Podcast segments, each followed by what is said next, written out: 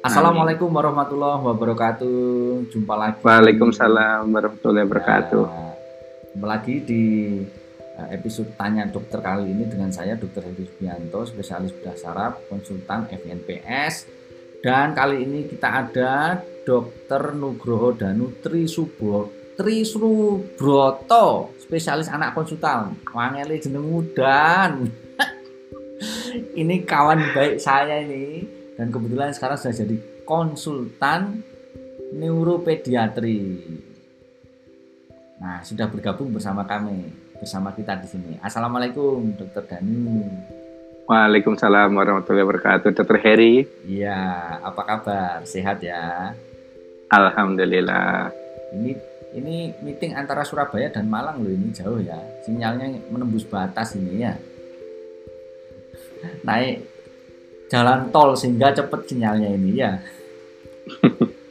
Jadi banyak yang tanya ini dokter Danu. Dokter Danu itu kan Yeah. kebetulan spesialis anak ya. Dan konsultannya juga di neuropediatri. Jadi masalah-masalah saraf di anak ya. Nah, masalah saraf di anak itu sebenarnya kan banyak ya mulai eh, hidrosefalus misalkan ensefalokel. Tapi karena saya lebih mesupnya ke epilepsi, maka kita pilihkan tema yang cocok dengan epilepsi. Gitu ya, Dokter Danu ya. Nah, Ya, yang sering muncul, sering ditanyakan itu ibu-ibu yang punya anak itu tanya mengenai kejang demam. Nah, kejang demam itu sebenarnya apa itu, Dokter Danu? Apakah itu oh epilepsi berarti atau ah, seperti apa kejang demam itu, Dokter jadi definisi dari kejang demam itu adalah adanya bangkitan kejang yang terjadi pada anak usia 6 bulan sampai 5 tahun oleh karena adanya peningkatan suhu tubuh. Jadi eh, peningkatan suhu tubuh ini bila suhu tubuh rektal itu lebih dari 38 derajat Celcius. 38 Ah. derajat Celcius ya. Ya, 38. Rektal ya, Dokter Heri. Rektal. Kalau kita pakai aksila, itu Hmm. bedanya sangat derajat. Jadi kalau untuk aksila, itu lebih dari 37,5. 37,5. Mm-mm. Oh, berarti sumber-summer gitu ya. Oh enggak, jadi Oh, sudah demam Definisi- itu sudah ya. jadi per definisi disebut demam itu kan bila suhu tubuh lebih dari 37,5. Mm-mm. Ya, jadi uh, intinya pada kejang demam itu semakin tinggi suhu tubuhnya, Mm. itu dia semakin tinggi resiko untuk kejangnya. Jadi Untuk kejangnya. sem- semakin tinggi suhu tubuh itu dia menurunkan ambang kejang sehingga dia mudah Hmm. kejang. Ya. Dan per definisi itu kejang demam terjadi bila suhu tubuh lebih dari 38 derajat Celcius rektal. Mm-mm. Berarti aksilanya 37,5. Ya. Itu dokter Heri. Jadi itu yang kalau bahasa istilah Jawanya itu step itu ya. Wah, Ya, tiap ah. demam step. Nah, step itulah kejang demam ya. Tapi memang ternyata ada rentang usianya ya ini dokter Danu. Kenapa kok harus ada rentang usia ini? Kenapa kok harus 6 bulan sampai 5 tahun tadi ya? Ya, jadi eh, ini terkait dengan mielinisasi otak. Jadi pembentukan Hmm. selaput eh, selubung saraf ya, mielin. Ya. Terus biasanya mielinisasi ini kan biasanya baru sempurna di atas usia lima tahun. Hmm. Jadi eh, sebenarnya eh, ada beberapa definisi, misalkan eh, definisi dari eh, National Institute of Health Ya. itu dia menggunakan batasan kejang demam itu lebih dari tiga bulan. Hmm. Sedangkan eh, ILAE Mm-mm. itu menggunakan batasan kejang demam itu lebih dari satu bulan. Intinya adalah kejang demam itu uh, bisa terjadi pada jadi intinya pada anak usia 1 sampai 6 5 bulan apakah bisa kejang demam? Bisa. Bisa. Tapi kalau di bawah satu bulan tidak boleh disebut kejang demam ya. Hmm. Di bawah Ya. satu bulan itu uh, neonatal seizure itu patofisiologinya beda lagi.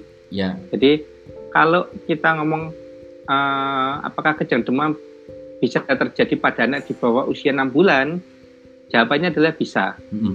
Tapi kita harus singkirkan infeksinya dulu. Mm-mm. Kemudian eh, apakah kejang demam bisa terjadi pada anak usia di atas Enam tahun. lima tahun, Lima jawabannya bisa. Hmm. Uh, tapi kita harus menyingkirkan epilepsinya dulu. Jadi kalau di bawah enam bulan kita harus menyingkirkan infeksi otaknya Infeksi. dulu. Hmm. Kalau di atas lima tahun kita harus menyingkirkan epilepsinya dulu. Ya. Nah, ini untuk kejang demam itu memang infonya itu erat kaitannya dengan ini ya, apa namanya? riwayat ya. Artinya apakah orang tuanya, ibunya, bapaknya juga dulu juga punya riwayat kejang demam atau step. Itu Ya, berpengaruh ya itu dokter Danu ya. ya. Jadi kejang demam itu inherited atau diturunkan. Sifat penurunannya adalah autosomal dominan, sehingga eh, kita itu dalam eh, bila ada pasien dengan kejang demam, kita harus tanyakan riwayat kedua orang tuanya. Hampir selalu eh, kedua orang tuanya itu pernah mengalami episode kejang demam. Namun tidak semua kejang demam itu eh, tidak semua anak dengan kejang demam orang tuanya pasti kejang demam enggak, jangan dibalik. Ya, nggak bisa dibalik ini ya. Nah, terus Mm-mm. berikutnya begini nih. Eh, apa yang harus dilakukan oleh orang tua nih kalau eh, agar anaknya misalnya dia punya riwayat kejang demam ya, punya riwayat step. Hmm. Ini takut ini Hmm. jangan sampai ini kita kan nggak tahu anak kita ternyata punya riwayat step apa enggak. Ini apa yang harus dilakukan ketika anaknya mulai sumber-sumber itu? Boleh nggak langsung dikasih eh, penurun panas gitu misalkan? Ya, jadi eh, sebenarnya itu demam sendiri itu kan sebenarnya respon tubuh ya. Ya. Eh, bila tubuh itu bila kita terserang infeksi ya, Eh, yang mana eh, demam sendiri itu kan fungsinya yang pertama itu kan eh, fungsinya kan bisa untuk mengaktifkan sistem imun. Hmm. Yang kedua, demam sendiri itu kan eh, dia itu kan bisa untuk membuat suasana yang tidak nyaman untuk patogennya ini sehingga dia tidak bisa tumbuh dengan optimal. Jadi sebenarnya kita itu tubuh kita itu perlu demam sebenarnya. Itu mekanisme pertahanan tubuh sebenarnya ya. Ya, itu sebenarnya mekanisme normal perjalanan Hmm. tubuh. Nah, nah, namun ada kalanya kalau demamnya terlalu tinggi, yaitu tadi. Jadi yang paling bahaya adalah eh, kejang. Muncul. kejang. Namun harus diingat bahwa sebagian besar kejang demam, jadi Hmm. kejang itu kita bagi menjadi dua, yaitu kejang demam sederhana Hmm, dan kejang demam kompleks. ya. Selama sebagian besar atau 80% itu adalah kejang demam sederhana. Nah, ini ada yang mana definisi ini ya. dari kejang demam sederhana itu yang pertama adalah kejangnya itu eh, hanya satu kali dalam 24 jam. Hmm, Yang kedua, kejangnya tidak lebih dari 15 menit. hmm, Yang ketiga, eh, kejangnya adalah seluruh tubuh. hmm. Di luar ketiga hal itu, maka kita sebut sebagai kejang demam kompleks. hmm. Itu. Terus eh, selama kejang demam sederhana ya, Hmm, itu eh, biasanya prosesnya baik. hmm, Terus apa yang harus kita lakukan pada anak-anak dengan kejang demam ya? Yang pasti eh, kalau sama mama saya ada pasien dengan riwayat kejang demam Ya. itu yang pertama kita kalau kita punya anak ya eh, usia kurang dari enam tahun hmm. itu di rumah itu saya selalu edukasi yang pertama di rumah harus ada termometer hmm. di mana per definisi disebut demam bila suhu tubuh lebih dari 37,5. Ya. Yang kedua, kita di rumah harus ada obat panas. Hmm. Di mana kita ketahui bahwa obat panas itu ada dua jenis. Yang pertama adalah golongan paracetamol, Hmm. ya, di Ya. mana paracetamol itu uh, menurunkan panasnya itu relatif lebih lambat. Ah. Sedangkan yang satunya lagi adalah golongan ibuprofen, Hmm. di mana ibuprofen itu cepat lebih cepat lebih turun. cepat menurunkan demam. Betul. betul. Uh, namun dengan efek samping hati-hati kalau pemakaian ibuprofen uh, hati-hati uh, sebaiknya dihindari uh, pada uh, anak-anak yang dengan gejala GI misalkan muta-muta atau diare karena dia kan uh, iritasi lambung ya. Ya, ya. Terus cuman uh, kalau dalam masa pandemi kayak gini saya sih uh, beberapa liter beberapa literatur menyarankan sebaiknya hindari ibuprofen. Hmm. Jadi uh, untuk saat ini sih lebih amannya pakai paracetamol. Paracetamol. Di mana pemakaian paracetamol itu bisa 4 sampai 6 jam sekali. Dosisnya biasanya sekitar 10 mg per kilo per kali. Ya. Nih, Gitu. ini untuk ini apa seka-seka atau seka-seka itu apa ya bahasanya itu ya? Di di pasang plester pendingin. Nah, Ah, atau ya. ah. nah itu di ketiaknya dikasih misalnya demamnya di ketiaknya dikasih waslap pendingin. Nah, itu boleh apa enggak sebenarnya itu dokter Danu?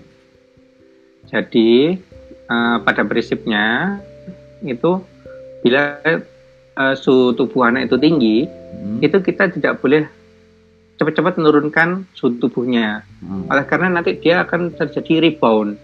Jadi Iya. dia nanti akan eh, panasnya jadi lebih tinggi lagi.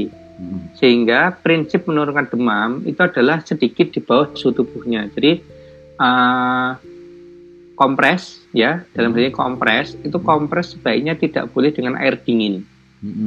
Jadi kompres itu ya benar adalah dengan air hangat atau dalam arti sedikit di bawah suhu tubuhnya. Ya. Kemudian kompres itu sebenarnya bukan cuma ditempel gini aja, bukan. Jadi kompres itu kan itu eh, kayak kita membuang panas ya. Jadi Hmm.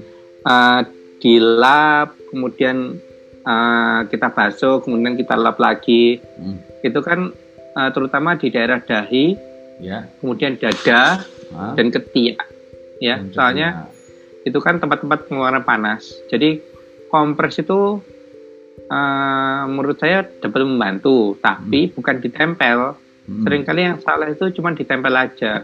Hmm. Malah ada yang cuma ditempelin di dahi gini aja, Hmm. itu tidak efektif. Iya. Efek itu justru malah ini ya dilap ya, terus airnya anget, anget-anget kuku gitu ya, nggak boleh dingin. Malah kaget menggigil nanti kalau dingin ternyata ya. Nah, Mm-mm. kemudian untuk kejang kalau pas terjadi kejang ini, dokter Dani, itu Hmm. apa yang harus diwaspadai oleh orang tua ini? Jadi kita sudah berusaha untuk menjaga agar anak kita ini dikompres, suhunya diturunkan. Eh ternyata masih step. Nah, apa yang harus Hmm. diwaspadai? Jadi eh, kita harus tanya dulu di room eh, adik ini pasiennya ini punya riwayat kejang sebelumnya enggak? Kalau pasien punya riwayat kejang sebelumnya, maka di rumah harus tersedia obat untuk menghentikan kejang. Hmm. Obat ini namanya adalah diazepam. Spam. Sub. diazepam suppositoria. Nah, di mana diazepam ini itu uh, fungsinya untuk menghentikan kejang. Namun harus diingat bahwa sebagian besar kejang itu akan berhenti tidak lebih dari empat menit. Hmm. Ya, Ya. jadi uh, jadi uh, kejang itu itu jadi prinsip menghentikan kejang. Jadi sebagian besar kejang akan berhenti dalam waktu kurang dari 4 menit. Hmm.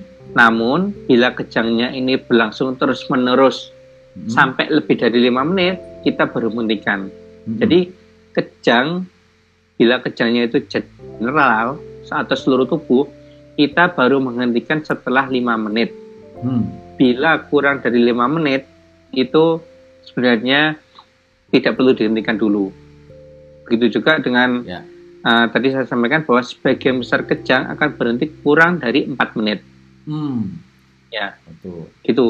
Uh, namun itu kan juga terkait kultur ya, Dokter Heri. Ya. Jadi kalau di uh, negara maju mungkin uh, orang tuanya mungkin karena di sana edukasinya lebih bagus, jadi uh, orang tua kalau punya anak dengan kejang mereka nggak khawatir, mereka Hmm. akan nunggu dulu selama lima menit, Hmm. baru setelah itu dikasih obat. Namun di Indonesia kan kulturnya beda dok. Ya. Jadi di sini itu kadang-kadang kalau ada pasien dengan kejang itu orang tuanya panik, Hmm. perawatnya panik, dokternya panik, Hmm. sehingga langsung kita berikan op, uh, diazepam Ada sepam. suppositoria. Jadi Hmm. sebenarnya uh, tubuh itu punya mekanisme sendiri untuk menghentikan kejang. Hmm. Ya, menarik sekali ya pembicaraan kita dengan Dokter Danu ini. Ini nanti bisa sampai dua atau tiga episode ini mungkin nanti. nah, ini berikutnya kalau itu kejang demam ya, jadi tiap kali anaknya ini mulai demam, dia kejang anaknya ini ya. Itu apakah harus sampai mengkonsumsi obat anti kejang? Oh, enggak. Enggak ya. Jadi uh, kejang, hmm. kejang demam ya dalam ya, hal ini kejang demam. Kejang demam ini uh, konteks kita di kejang, kejang demam. Kenapa dokter Eri? Konteks kita kali ini di kejang demam. Ya. Uh, ya. Jadi uh, kapan kita harus memberikan obat perumatan? Nah, ya. Dosis atau rumatan. obat uh, obat uh, epilepsi jangka panjang. Ya. Itu kita biasanya memberikan obat perumatan itu ada tiga hal. Yang pertama adalah bila kejangnya itu uh, vokal ya atau hmm. satu sisi tubuh kejang hmm. Hmm. atau bila kejangnya itu lebih dari 15 menit hmm. atau pasien-pasien dengan uh, gangguan saraf sebelumnya. Hmm. Dalam hal ini misalkan pasien menderita hidrosefalus ya. atau otak yang besar atau pasien dengan cerebral palsy itu kita biasanya memberikan bisa dipertimbangkan pemberian obat rumatan. Ya. Namun ya. Uh, sebagian besar ya hmm. kejang demam itu tidak ada terapi. Hmm. Nah itu ya bapak-bapak, ibu-ibu, eh, bunda, ayah, bunda semuanya. Eh, kalau itu kejang demam karena ada pencetus demam, sumer tinggi, ya batuk pilek biasanya ya, minum es krim, terus kemudian step dan kebetulan di keluarga juga ada riwayat step tidak usah khawatir justru tadi yang harus dilakukan itu ya segera diturunkan panasnya pelan-pelan dikompres diulap diswab diswab ternyata ya. Kompresnya itu hanya ditempel gitu tok pakai air hangat ya. Terus minum paracetamol. Dan kalau kejangnya memang sudah terkontrol juga tidak perlu obat rumatan obat anti kejang yang terus menerus juga tidak perlu ya. Terus kemudian kalau ini dokter Danu kalau tentang uh, risiko. Kadang kan takut ya dok ini anak saya itu sering step dok. Tapi stepnya itu memang kalau pas demam. Nah kira-kira nanti itu jadi bisa jadi menderita epilepsi apa enggak dok? Nah itu kira-kira bagaimana risiko kejang demam dengan epilepsi ini dokter Dani oke jadi kalau kita membahas tentang kejang demam itu sebenarnya ada dua faktor risiko yang harus diketahui yang pertama adalah faktor risiko uh, terjadi epilepsi. Ya. Biasanya faktor risiko terjadi epilepsi itu uh, yang pertama bila ada kelainan neurologis atau adanya kelainan perkembangan sebelum kejang demam.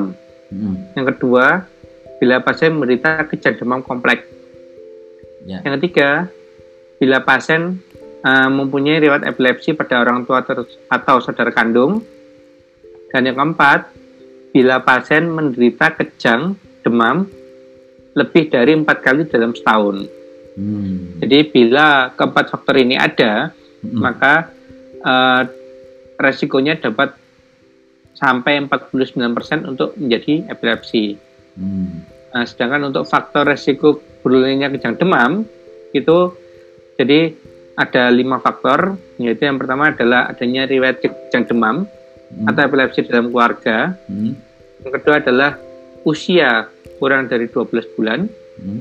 Yang ketiga adanya suhu tubuh yang uh, kurang dari 39 saat kejang. Hmm. Yang keempat adalah interval waktu yang singkat antara awitan demam dengan kejang dalam arti hmm. semakin cepat muncul kejang, kejang setelah demam, ha. maka dia semakin beresiko untuk berulang. Ya ada beberapa anak yang pagi demam, siang udah kejang. Hmm. Atau ada yang pagi demam, malam baru kejang. Nah, yang semakin cepat kejangnya ini berisiko berulangnya lebih tinggi. Hmm. Yang terakhir adalah apabila kejang demam pertama merupakan kejang demam kompleks. Hmm. Jadi uh, sebagian besar kejang demam kan kejang demam sederhana ya. Jadi yeah. Ya. uh, ya selama kejang demam sederhana kalau saya sih tidak usah orang tua nggak perlu panik ya ya soalnya sebagian besar akan berhenti sendiri. Hmm. Oke, baik. Terima kasih atas waktunya Dokter Danu, bermanfaat sekali. Mudah-mudahan nanti kita potong-potong jadi beberapa episode. Jangan Oke, uh, Dokter kapok Heri. nanti kita ajak lagi untuk bikin podcast uh, yang berisi informasi-informasi yang bisa memberikan manfaat buat semuanya yang mendengarkan dan melihat acara ini. Itu ya Dokter Danu ya. Ya, Terima Dokter Heri. atas waktunya. Assalamualaikum warahmatullahi wabarakatuh. Waalaikumsalam warahmatullahi wabarakatuh.